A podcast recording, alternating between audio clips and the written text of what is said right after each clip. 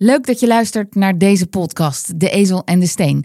En uh, misschien heb je door, we zijn weer terug met een nieuwe titel.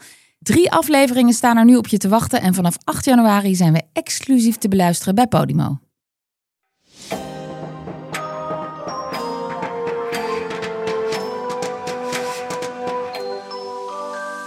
Dit is De Ezel en de Steen, een podcast over wat de geschiedenis ons leert over de kwesties van nu. Want historische parallellen kunnen helpen het heden beter te begrijpen en soms voorkomen dat we ons aan dezelfde steen stoten. Ik ben Lisbeth Staats, journalist en ik hou me letterlijk dagelijks bezig met het nu. En dan vraag ik me regelmatig af: hebben we dit niet al eerder een keer meegemaakt? En voor het antwoord op die vraag zitten hier twee specialisten aan tafel Tim Jacobs, historicus en leraar geschiedenis en godsdienstwetenschapper en veellezer Martine van den Berg laten ons in deze podcast zien dat actuele ontwikkelingen zo ontzettend lijken op de verhalen uit het verleden.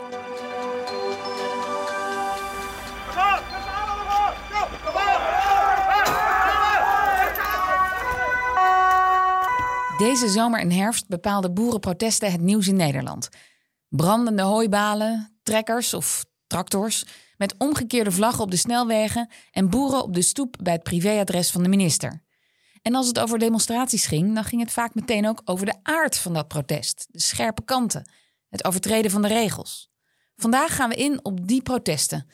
Tim, jij hebt ook uh, tv gekeken en kranten gelezen deze zomer. Gok ik zomaar? Ja, zeker, Of misschien wel in de file gestaan achter een tractor? Ik rij weinig auto, maar ik heb de vlaggen wel gezien. Ja. Langs de ja. kant van de weg, ja. Waar deed jou dit aan denken? Nou, aan uh, uh, de protesten in Hollandse Veld, jaren 60. Um, traangas, uh, afgebrand huis. Uh, genoeg om over te vertellen in Traangas? Dat Traangas, is ja. deze zomer niet gebeurd, volgens mij. Um, voor zover ik weet niet. Nee, nee. nee. Jaren de, 60 De politie trad toen nog hard op in de jaren 60.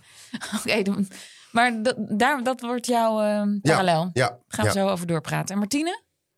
Ja, ik ben iets verder teruggegaan. Ik moest denken aan de Peasants Revolt van uh, 1381 in Engeland. Uh, en voor het geval dat de luisteraars nu denken van ja, dat is echt wel heel lang geleden. Um, het was een eeuw waarin een pandemie voorkwam. Waarin er een eindeloos lange oorlog werd gevoerd. Er waren personeelstekorten. er was uh, gedoe met de Belastingdienst. Nee. En het wantrouwen tegenover de overheid was torenhoog. Veel cafés gesloten ook door die personeelstekorten of niet? Of konden de Precies. mensen natje en droogje Precies. gewoon halen? Nee, het was, het was overal ellende. Let maar op. Oké, okay, nou, ik ben benieuwd. 1381. Hoe staan we er nu voor met de boerenprotesten? Het kabinet heeft Remkes als bemiddelaar aangesteld. Die is met een rapport gekomen inmiddels. Weten jullie hoe dat rapport heet? Even een quizvraagje tussendoor. Nee. Heel positief is het. Wat wel kan. Oh, echt er. Uit de impasse en een aanzet voor perspectief. Is daar een spindokter aan te pas gekomen om daar een leuke titel voor te bedenken? Nou, het klinkt wel als Remkes zelf eigenlijk. Met het Gronings accent. Ja, Wat nee, wel kan. Nuchter, Ja. nuchter. Maar goed, dit, dat, dit rapport uh, moet de impasse tussen de overheid en de boeren doorbreken. En tegelijkertijd het proces over de stikstofreductie wel laten doorgaan. Nou, dat is nu de stand van zaken.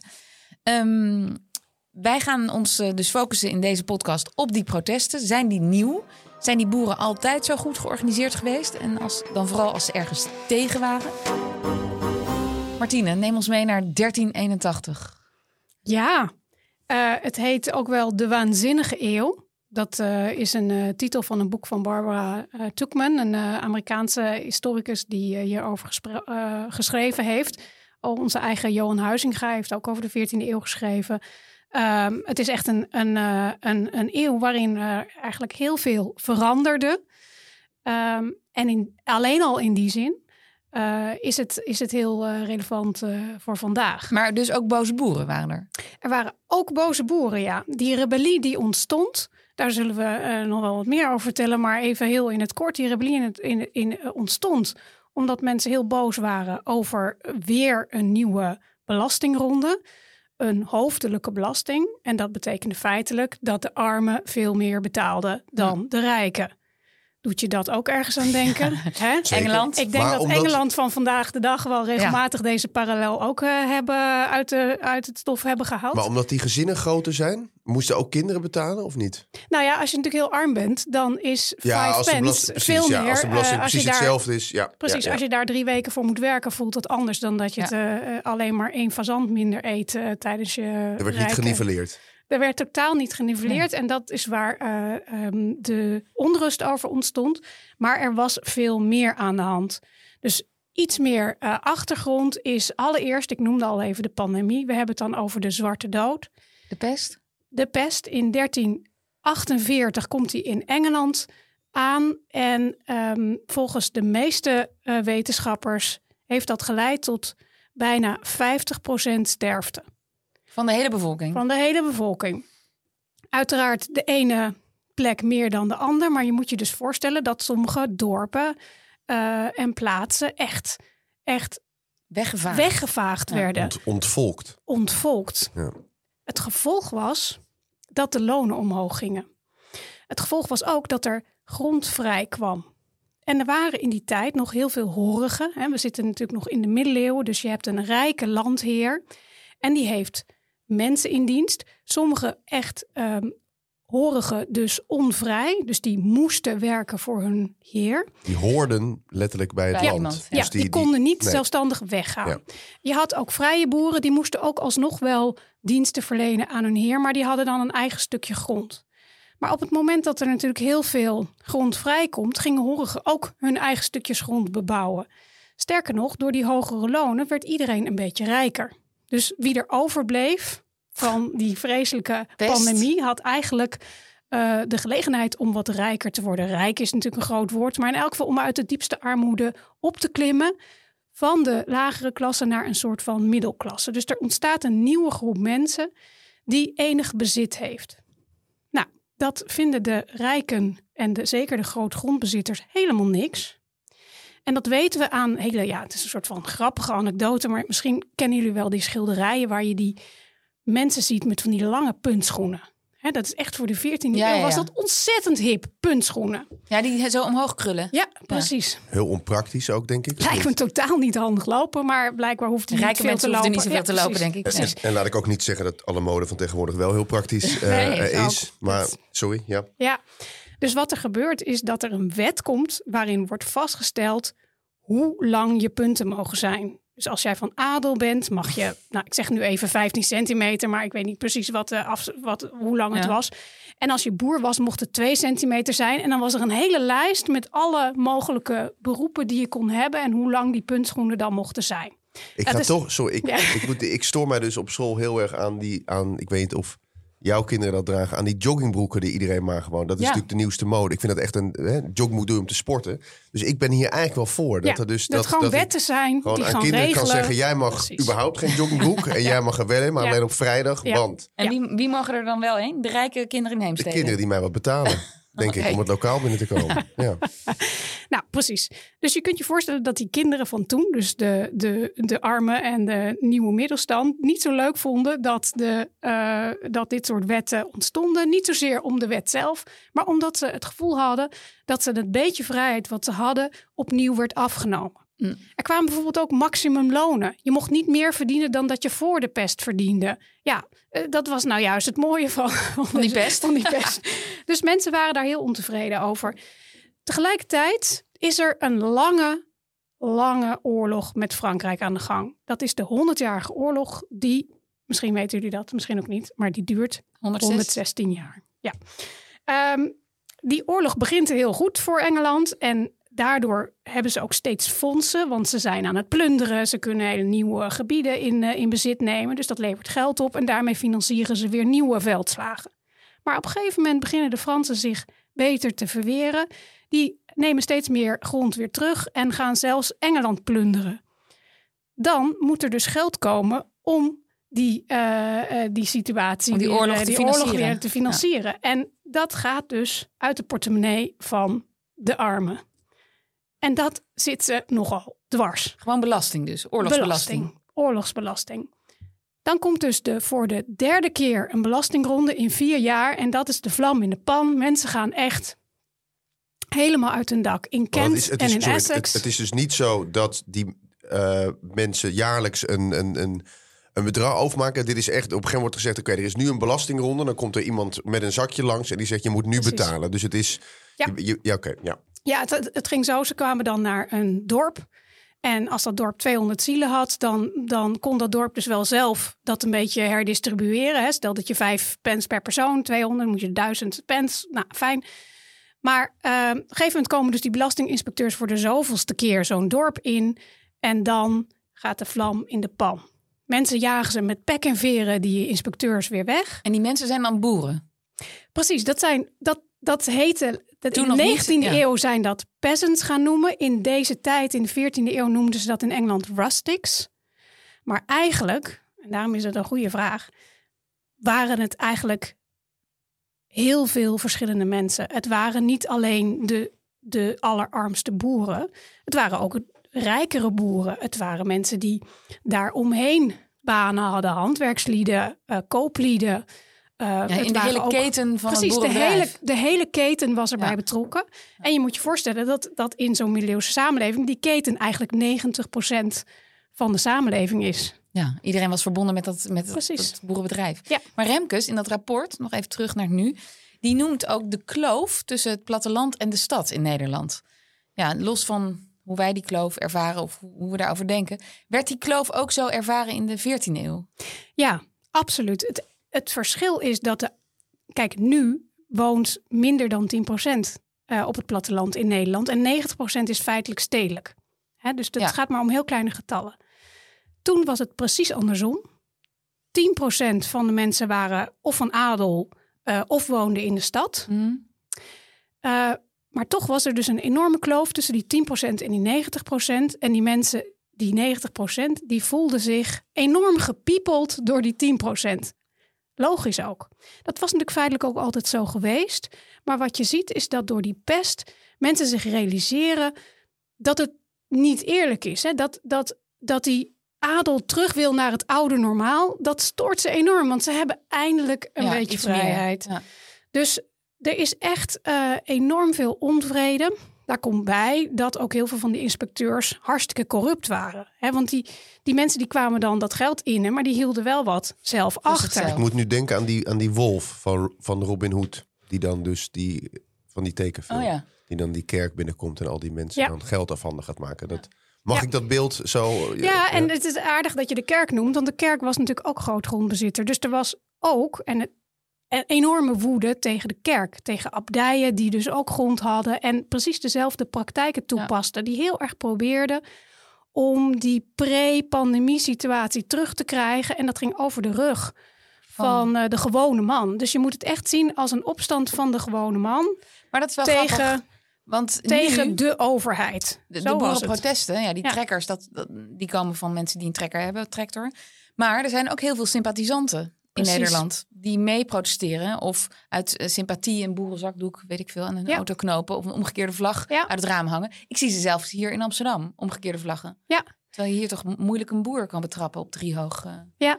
En het heeft natuurlijk ook, ook in, in zekere zin ook met de pandemie te maken. Toen is er al een hele groep mensen opgestaan die zich enorm verzetten tegen overheidsmaatregelen. En die mensen die zijn nu, uh, hebben zich aangesloten bij het boerenprotest. Ja. En wat daarachter zit, is een enorm wantrouwen uh, van, van de overheid, uh, tegenover de overheid. En dat, en dat is iets wat je ook hier precies zo ziet. Dus het begint bij, bij in één dorp bij een paar boeren en het verspreidt zich ontzettend snel over een hele grote groep mensen uit. Ja, en uh, er zijn onlangs mensen veroordeeld voor de boerenprotesten in Nederland. die stonden voor de rechter omdat ze de regels hadden overtreden. En dat waren geen boeren. Exact. Dus dat waren sympathisanten. Mensen die even boos waren, maar ze hadden geen boerenbedrijf. Precies. En, en dat is denk ik ook iets wat je steeds in de gaten moet houden. En ik denk dat Remkes daar ook heel erg um, zich bewust van is. Als die zegt over die kloof tussen platteland en de stad. Het gaat dus niet over alleen maar mensen met een boerenbedrijf. Het gaat over een gevoel uh, gepiepeld te worden door ja. Uh, uh, ja, Den Haag. Hè? Dat is dan toch het gevoel van de overheid. En, en, en dat het in werkelijkheid veel genuanceerder ligt, dat verdwijnt dan in zo'n protest. Ja, in die woede. En, en die boeren in 1381, hè? wat hadden die voor eisen? Ja, dat is, dat is echt een, een heel bijzonder verhaal. Want um, de eisen waren natuurlijk allereerst niet zomaar random belasting betalen. Daar begon het mee. Maar het ging veel verder. Ze wilden eigen land, dus geen lijfeigenschap meer. Nou, Daar kun je het eigenlijk alleen maar mee eens zijn. Hè? De afschaffing van de slavernij, daar Ja. kwam het op neer. Eh, wat ze wilden was een maximum huurprijs, maximum pachtprijs. Dus niet elk jaar worden geconfronteerd met huurverhoging. Nou, nou Die discussie kun je ook nog steeds kun je voeren, nog ja. steeds voeren. Eh, ze wilden ehm, eh, geen import-export belasting betalen. Ze wilden vooral zelf kunnen bepalen hoe zij hun land bebouwden. Klinkt ook best eh, bekend. Ehm, de- die eisen waren eigenlijk best heel redelijk. Ehm, daarnaast hadden ze een zwarte lijst. Dus er was een lijst van eh, corrupte ambtenaren boer- en de regerings... boeren hadden een lijst samengesteld. Ja. Of in ieder geval de organisatie achter de... De organisatie, je moet dus echt, boeren is dus echt, ehm, nou ja, de, de rebellen, zeg maar. Ja. Dus, dus uiteindelijk Dekte de zijn, lading niet helemaal. Er zijn meerdere mensen aangesloten. Oké. Ja. Ja. eh, die hadden een lijst. Eh, eh, ik bedoel, al, het simpele boeren konden niet eens een lijst maken. Dus er waren echt, echt Ook geletterde allerlei mensen. geletterde mensen bij betrokken. En ze gingen aanvankelijk echt die lijst af. En dat, wat, wat gebeurde er dan? Dan, dan gingen ze zo'n huis binnen. Dan sloegen ze die bewuste personen ehm, Neer. nou ja, neer. Dat was, soms leidde dat ook tot eh, onthoofding en dat soort zaken. Dat eh, zorgde voor nogal wat onrust. Maar waar ze eigenlijk naar op zoek waren, dat waren de belastingpapieren. Nou, in deze tijd zijn belastingpapieren, financiële papieren, leenbrieven, eh, schulden, schuldeisen, dat soort zaken, hadden altijd een groen zegel. Dus het was heel simpel, zelfs als je niet kon lezen of schrijven. Het enige waar je naar op zoek was, was kleur. Je moest niet kleurenblind het groene, zijn. het Ja. groene zegel, een beetje onze blauwe envelop. Die werden allemaal op een, eh, op een vuur gegooid, in de fik gestoken. En voor, ja, dat was toch een manier om een soort systeemreset te doen. Want als Ja. al die schuldpapieren weg zijn in de middeleeuwen, ja, dan, dan is het echt weg. Die Dat stonden is, niet in de cloud. Precies, stonden niet in de cloud. Maar eh, dat karakter, wat, wat wij nu deze zomer hebben gezien, hè, het, dat zeiden de boeren, de demonstrerende boeren ook. Ja, we willen de samenleving lam leggen, ontregelen. Was dat ook zo succesvol in eh, de middeleeuwen? Ja, ik, ik heb daarover na zitten denken. Ik denk eigenlijk dat ze het nog wat slimmer hebben aangepakt. Alleen uiteindelijk liep het toch uit de hand. Maar aanvankelijk waren ze dus heel secuur in het kiezen van hun targets. Dus ze gingen juist niet anderen eh lastigvallen, mensen die er niks mee te maken hadden. Ze gingen heel gericht af op de bron van het De probleem. belastinginspecteurs. De belastinginspecteurs. Later ehm, gaat het dus helemaal mis als ze eenmaal in Londen zijn. Dan, ehm, en, en, en daarom is het ook uiteindelijk mislukt. Eh, dan gaan ze echt eh, alle grote heren eh, vermoorden. Daarom wordt het echt een soort, een soort eh, killing spree. Eh, ze gaan zelfs de Tower of London in. Ehm, wie er de, de, de, de, de kardinaal van, van de kerk wordt onthoofd. En de eerste minister, de minister van Financiën.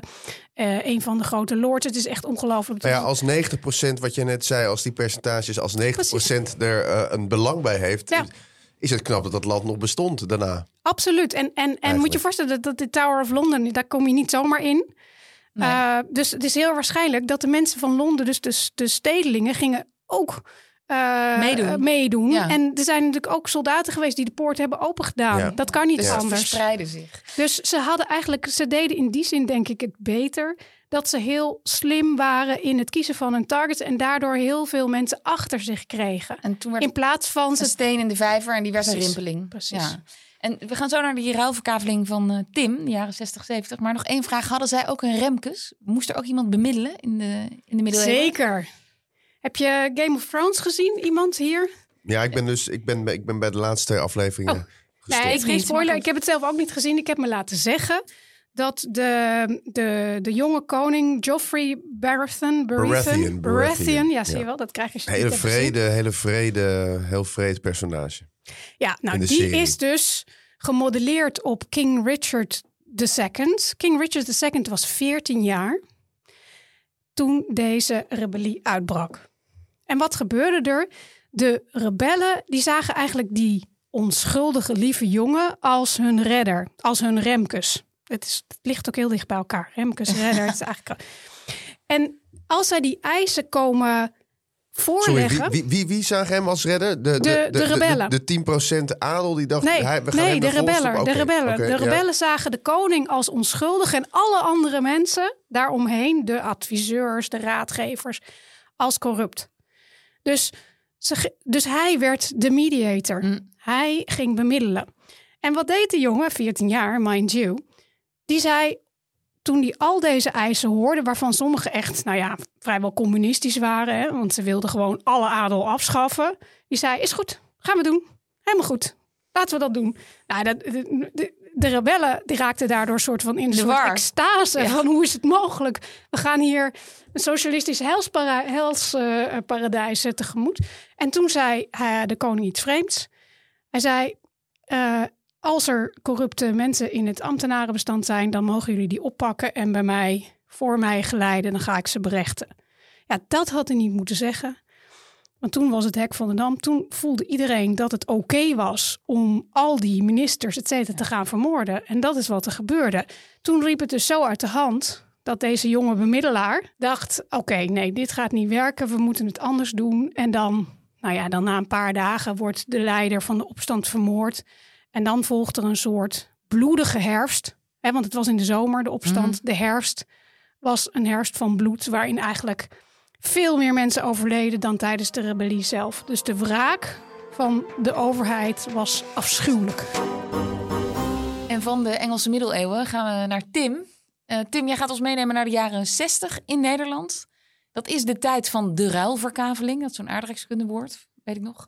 Ehm, het boerenland moest er anders gaan uitzien, want alle kleine boertjes die moesten grote bedrijven gaan worden. Zeker, zeker. Alles werd, eh, werd groter. Wij gaan naar eh, rond de jaren 60. Ehm, we gaan naar eh, Drenthe, of eigenlijk gaan we naar eh, Nederland. We hebben het natuurlijk wel, tenminste, dit is natuurlijk ook wat, wat, wat speelt. Hè. We weten allemaal, vaker nog in de krant gestaan, naar aanleiding van de protesten van nu, dat na de Tweede Wereldoorlog de hele landbouw gemoderniseerd wordt. Hè. Die naam Sikko Mansveld, ruilverkaveling, het moet allemaal meer en beter, want we willen nooit meer honger na de oorlog. Ehm, en eigenlijk wat wel interessant is, is dat er wordt een organisatie opgericht, het Landbouwschap. Dat is eigenlijk een beetje de voorloper van, eh van LTO. LTO, ja, ja. Dat, nou, dat is een van mijn favoriete organisaties natuurlijk. Ehm, en eh, dat landbouwschap dat gaat, ehm, gaat regels opstellen. Zo simpel is het eigenlijk gewoon. Ze gaan regels opstellen. Er moet af en toe eens een heffingje betaald worden. Het is een soort organisatie die zichzelf aan de ene kant ziet als vertegenwoordigers van alle landbouwers, van alle, alle boeren. Maar tegelijkertijd door een deel van de boeren als verlengstuk van de overheid wordt gezien. Nou, en boeren zijn natuurlijk altijd. Maar was dat, ook, was dat ook een verlengstuk van de overheid? Nou ja, daar kan je natuurlijk, dat ligt eraan hoe je ernaar kijkt natuurlijk. Ja, want ze leggen eh, onder andere eh, heffing, heffingen op en Ja. bepalen regels. En tegelijkertijd was natuurlijk hun verhaal ook, ja, wij, wij vertegenwoordigen jullie. Maar Ja. het was in feite, het waren ambtenaren die namens eh, eh, boeren eh, praten of regels eh, bedachten. Nou, er is al wat onvrede over al die regels. En dan is er een, en die naam is natuurlijk, die klinkt als een, als een, als een klok, als een koekoeksklok. Ja, had ik niet ingestudeerd trouwens. Ehm eh, boer. Koekoek, hè, boer Hendrik ja. Koekoek. Die, ehm, die, die richt een soort ja, organisatie op, of in ieder geval een groep, de vrije boeren. En dat zijn boeren die niks moeten hebben van al die regels. En, eh, maar, maar wat voor regels waren dat? Echt heel intrusieve regels? Moesten Nou, ze dingen echt helemaal anders gaan doen? Nou, of viel nee. het eigenlijk wel Nou, mee? ze eh? moesten, hè, want er, er werd natuurlijk ook eh, druk gezet geval op die, op die grotere ruilverkavingen. Maar gewoon echt dat je gewoon, je moest allemaal, je moest echt dingen gaan overleggen. Je moest laten zien, ik heb zoveel beesten, dit en dit, productie. Ja. Het moest gewoon echt van weinig organisatie en Ja. we kijken wel hoe het loopt. Moest de overheid wilde een greep hebben, Hebben op, op- Ja, dus wat de er in de vrijheid landbouw- werd Boerenleven. aangetast. de vrijheid werd aangetast. Nou, en die boer Koeken komt eigenlijk voor het eerst in het publieke debat of in het publieke domein. Als hij eh, wegblokkades eh, opwerpt. Eigenlijk gewoon als, als, als, als protest. Het is niet eens echt een duidelijke aanleiding, maar als, als protest tegen die heffingen. In de buurt van Nunspeet, Vierhouten. En er zijn dus ook beelden van dat je dus. En dat dacht ik, ja, dit is, dit is, dit is één Eén op één. één, ja. Dat er een agent, dat er een trekker, tractor, tractor, John Deere. ehm, ehm, op een, op, een, ehm, eh, op een agent afrijdt. En dat gaat met een relatief zachte vaart. Dus die agent die kan op, op, op, op, de, op de voorkant van die tractor gaan zitten. Die kan, kan hem tegenhouden. Maar er worden, Toch? daar, er worden, Ja. daar wegen af, worden daar wegen afgezet. En dan de, de, de, de agent, of in ieder geval de, de eh, interviewtje ge- eh, gezien. De agent of een van de hoofdagenten die daarbij is. Die roept, jongens, eh, doe nou even normaal. En eh, eh, gaan we naar huis. Als je wat wil, moet je in Den Haag zijn. Dus eh, eh, ga je organiseren. Nou, dat heeft... Boer Koekoek uiteindelijk goed in zijn oren geknoopt. Als er een aantal jaar later, we spreken dan 1963. Nou, aan wie denken jullie bij 1963? John F. Kennedy? Ik denk aan Chris Segers. hè, de hel Chris Segers? Ja, de, de, de, de hel van het noorden. De Elfstedentocht. Ik denk aan Chris Segers. Ehm Ranier, nou goed. Ehm, dus het is steenkoud in dat jaar. En op dat moment zijn er in eh, het dorpje Hollandse Veld... waar die koekoek ook vandaan komt... ehm, zijn er drie boerenfamilies... die uit huis gezet gaan worden... of die onteigend gaan worden eigenlijk door het landbouwschap... omdat ze hun... Uitgekocht. Nee, niet eens uitgekocht. Ze moeten gewoon weg daar. Omdat ze hun heffingen niet betalen. Het landbouwschap zegt, die boerderijen waar jullie in wonen... zijn feitelijk eigendom van ons. Jullie betalen je heffingen niet. Of je, eh, eh, en eh, die boeren weigeren dat, want vrije boeren. En die gaan ontruimd worden. Nou, en daar komt men natuurlijk tegen in het geweer. En dat was niet vanwege ruilverkaveling. Dat ze dus ergens anders overnieuw konden beginnen. Of, Nee, het was, eh, het, nee, het was echt dat ze, dat ze, eh, ze moesten eruit... omdat ze niet voldeden aan Ja. de regels van, het, eh, van, dat, Land- eh, van dat landbouwschap. Ja. Maar en was het dus ook zo dat, dat mensen die jarenlang geboerd hadden op hun eigen manier... met tien koeien en weet ik veel, eh, twintig schapen en wat Ja. Dat die nu gedwongen werden om te kiezen? Je moet of heel veel akker hebben of 200 Nou ja, koeien. nee, dat niet per se. Maar die werden natuurlijk wel, die werden natuurlijk, ehm, dat werd natuurlijk steeds moeilijker, omdat er natuurlijk steeds grotere bedrijven kwamen. Dus ik, ik schrok daar ook van. Jij zegt net, ik wilde jou die vraag stellen: 10 koeien, 20 kippen. De, die boer die dus als een van die boeren die wordt uitgezet, een van die families, die hadden dus letterlijk 10 koeien, 20 kippen. Oh, dat wist ik echt niet. Nee, dat, dus, dus, maar dat is dat, ongekend. Dus dat, dat, dat was, en dat was, die had een gezin met vijf kinderen. Ik, ik zat gelijk te en die zagen er niet uit alsof ze nou, hè, het, was, het, was niet, het was niet rijk. Het zag wat armoedig uit, maar dat waren wel mensen, goed doorvoede jongens en meiden, die, die, nou ja, goed, die, die, die konden daarvan leven. Maar die worden dus, die worden uitgezet en dan in Hollandse Veld, wat er dan gebeurt is, er komen een heleboel mensen uit, eh, eh, uit de regio, eh, trekken naar die drie boerderijen toe. En die gaan het eigenlijk de politie in zekere zin onmogelijk maken. Of die gaan gewoon de politie bekogelen. De deurwaarder komt eraan. Ehm, die haalt de meubels uit dat huis. En er ontstaat gewoon echt één groot chaos. Politie met, met, met, met traangas. Ik weet niet of jullie een beeld hebben bij de jaren 60 oproerpolitie. Het li- Ja. lijken bijna een soort soldaatjes. Lange, lange eh, stoffen jassen met een soort nou ja, ouderwetse ME-helmen. Een karabijn. ehm, en eh, nou ja, er, wordt, er, wordt echt, er wordt echt met traangas geschoten. Kinderen sluiten zich aan. Het, het, het, het, het was ontzettend koud. Er wordt met sneeuwballen op agenten gegooid. De- de- Er is een agent, ja... Die, eh, die, die, die- hè, dus agenten die klappen krijgen. Het- Maar het is veel heftiger dan nu. Zeker. Is- Maar, maar het is aan de andere kant lijkt het ook, tot de nasleep ervan, lijkt het ook kleinschaliger. Want wat mensen natuurlijk niet eh, eh, eh, konden, dit was natuurlijk allemaal mond op mond of Ja. je belde is. Ja. Je kon ook niet in een of andere Telegram groep zeggen van er staan hier. en de, de politie was trouwens al met groot. Groot materieel uitgerukt. Dus er waren ook daar veel agenten. Het was niet, het was niet Mhm. de veldwachter die daar opeens werd opgewacht door, of de veldwacht, door 40, eh, door 40 Nee, nee, nee. boeren. Ehm, maar, en daar sloot zich dan ook, ja, dat, dat noemden die agenten dan no, nozems bij, bij, bij, bij aan. Nou ja, dat, voor mij was iedereen zonder of, of, of met, met, met een kuif en, en een jas die niet voldeed ja. aan, aan het daarvoor heersende modemodel. Ja. Was een nozem, dus het, het, het, lijkt wat, het lijkt wat beter gedragen. Nou, in ieder geval in de tweede, de tweede nacht na die protesten, als die mensen eh, ehm, eh, uit die huizen gehaald zijn, vliegt een van die boerderijen ook in de fik. Nou, en dan is, eh, dat is nooit opgehelderd. Ik denk dat dat een van die boeren is geweest die zegt... nou, als ze er dan toch uit zijn... dan mag dat landbouwschap ook niks meer met die boerderij eh, Ja. eh, doen. Er is ook wel andere theorie dat het landbouwschap dat gedaan heeft. Nou goed, kan ik me bijna niet, niet voorstellen. Maar in ieder geval, dit, want dit komt natuurlijk ook in, dit komt in, dit komt in de media, dit komt in, in de pers. Er zijn dus ook, zijn er ook eh, tv-beelden van. En dit leidt er dus toe dat die boer Koekoek... dit is eigenlijk voor die boer Koek de aanleiding om die boerenpartij eh, op te richten. Juist. Weten jullie wat het maximum aantal zetels is wat de Boerenpartij? Ze Nee. hebben twee verkiezingen echt serieus meegedaan. ik wist je dat ze in de Kamer kwamen, maar ik weet niet met hoeveel zetels. Nou, Nee. doe eens een gok. Vijf? Zeven. Oh. Ze komen erin met drie. En de verkiezingen daarna hebben ze zeven zetels. Ze breken Ja. ook door in de provinciale staten. Ja, nou ja, en, da- en dat la- laat dus zien dat het, dat het percent, dat, zeg maar, het is niet conform percentage boeren, ook toen al niet. nee, Dus, er zijn, heel veel sympathisanten. Ja, er zijn heel veel sympathisanten Ja, in een tijd, in een tijd waarbij het natuurlijk echt moeilijker is dan nu. Nu om- er is ook minder, Om maar mensen om, bij elkaar te krijgen, te om mensen mo- te mobiliseren. We Ja. zitten natuurlijk in die, hè, die ontzuiding is aan de gang. Dus Ja, mensen had zitten je nou ook nog wel of niet tv toen? Ja, nou, eh, eh, dus Ja. de meeste mensen nog niet, denk Nee, ik. Jaren nee. 60. Nee, en zeker boeren denk ik niet hoor. Dat was iets Nee. voor... eh, Dus het is ontzettend knap eigenlijk. Tenminste, als ik daar even nu... eh, het is Ja. ontzettend knap dat ze zo'n grote aanhang hebben verworven. Maar je ziet met die boerenpartij... en je zegt net terecht... er zijn dus heel veel sympathisanten. Het is eigenlijk... Die vergelijking kan je misschien ook wel nog ergens strekken. Jaren 60, eh, jong, protest tegen de overheid demonstreren. Het is eigenlijk de rechterkant van het spectrum die, eh, eh, die Ja. protesteert. Wat je namelijk ook ziet gebeuren bij die boerenpartij... is dat zich daar uiteindelijk ook echt onfrisse figuren... met een NSB-verleden of, of, of zelfs wel een jonge SS-verleden bij aansluiten... die daar ook voor in de Kamer komen. Dus het is... eh, Maar dat is iets wat je dus heel vaak ziet bij protesten. Dus dat, dat eh, nou ja, ik, ik weet niet precies waar die jongens waar jij het net over had, over veroordeeld zijn, die nu voor de rechter staan. Ja, Eh, maar dat was in 1381 ook zo. Dat, dat er dus allemaal criminelen, de, de gevangenissen werden geopend, alle mensen die schulden hadden werden bevrijd. Maar ook criminelen liepen ineens op straat en gingen lekker meeknokken. Ja. Dus dat zie je toch, dat dat natuurlijk ongeheure types aantrekt. Dat is wel van alle tijden. Dus Ja. dus jullie zeggen eigenlijk deze vergelijking gaat op.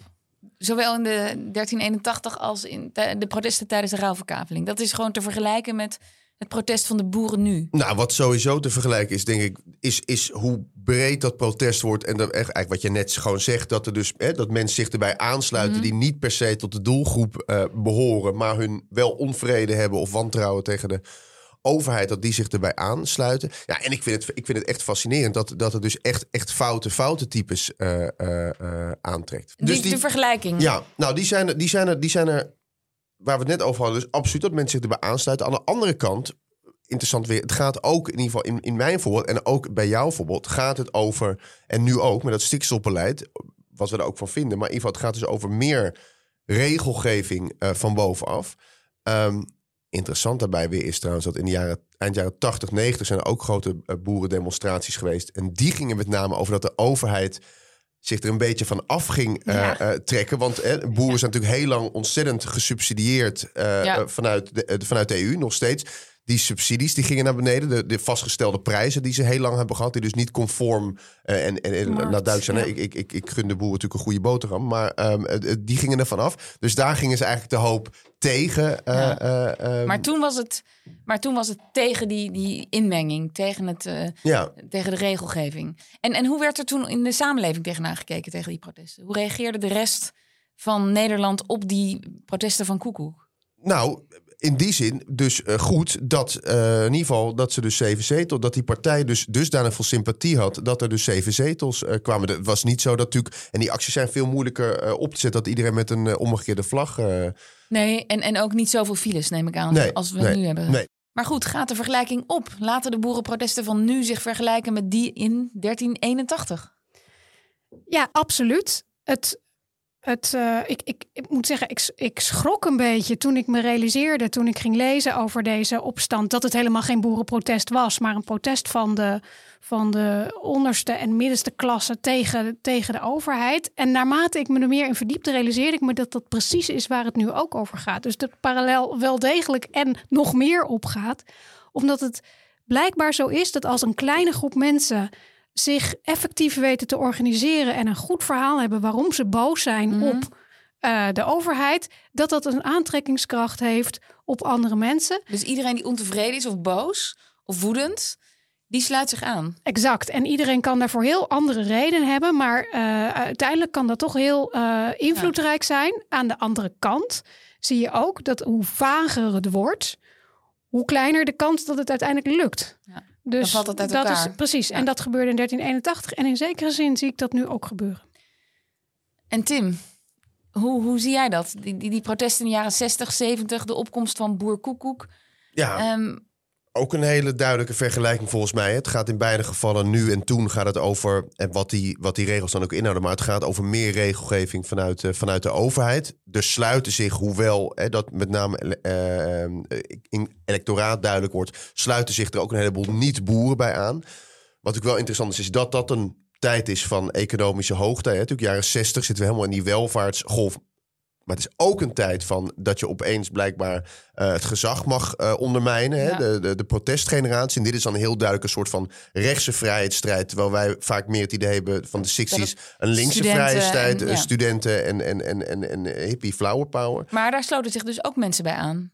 die in het algemeen boos waren. Zeker, ja. ja. ja, nee, Ja. Dus, dus, dus dat is een hele duidelijke parallel. Ook dat, dat politici, hè, dat er dus vage rechtse figuren... eh, in ieder geval bij die boer uiteindelijk... eh, met, met een, nou ja, een beetje vies, vies achtergrondje, NSB, et cetera, er ook bij komen.